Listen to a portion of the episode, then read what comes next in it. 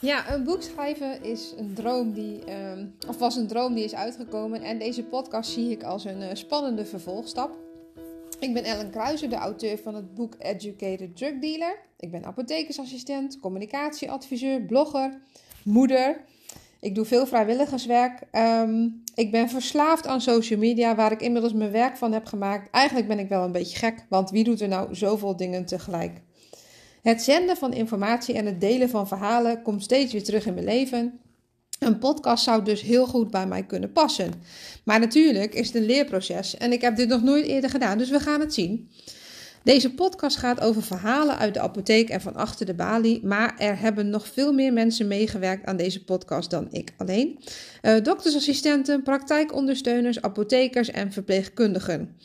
Naast deze verhalen uit de zorg uh, voor patiënten deel ik ook graag mijn kennis en dingen die ik interessant vind. En mensen vragen me vaak dingen via de e-mail en die vragen wil ik ook graag beantwoorden. Dus laat je verrassen. Ik neem je graag mee op avontuur met mij in de Educated Drug Dealer podcast.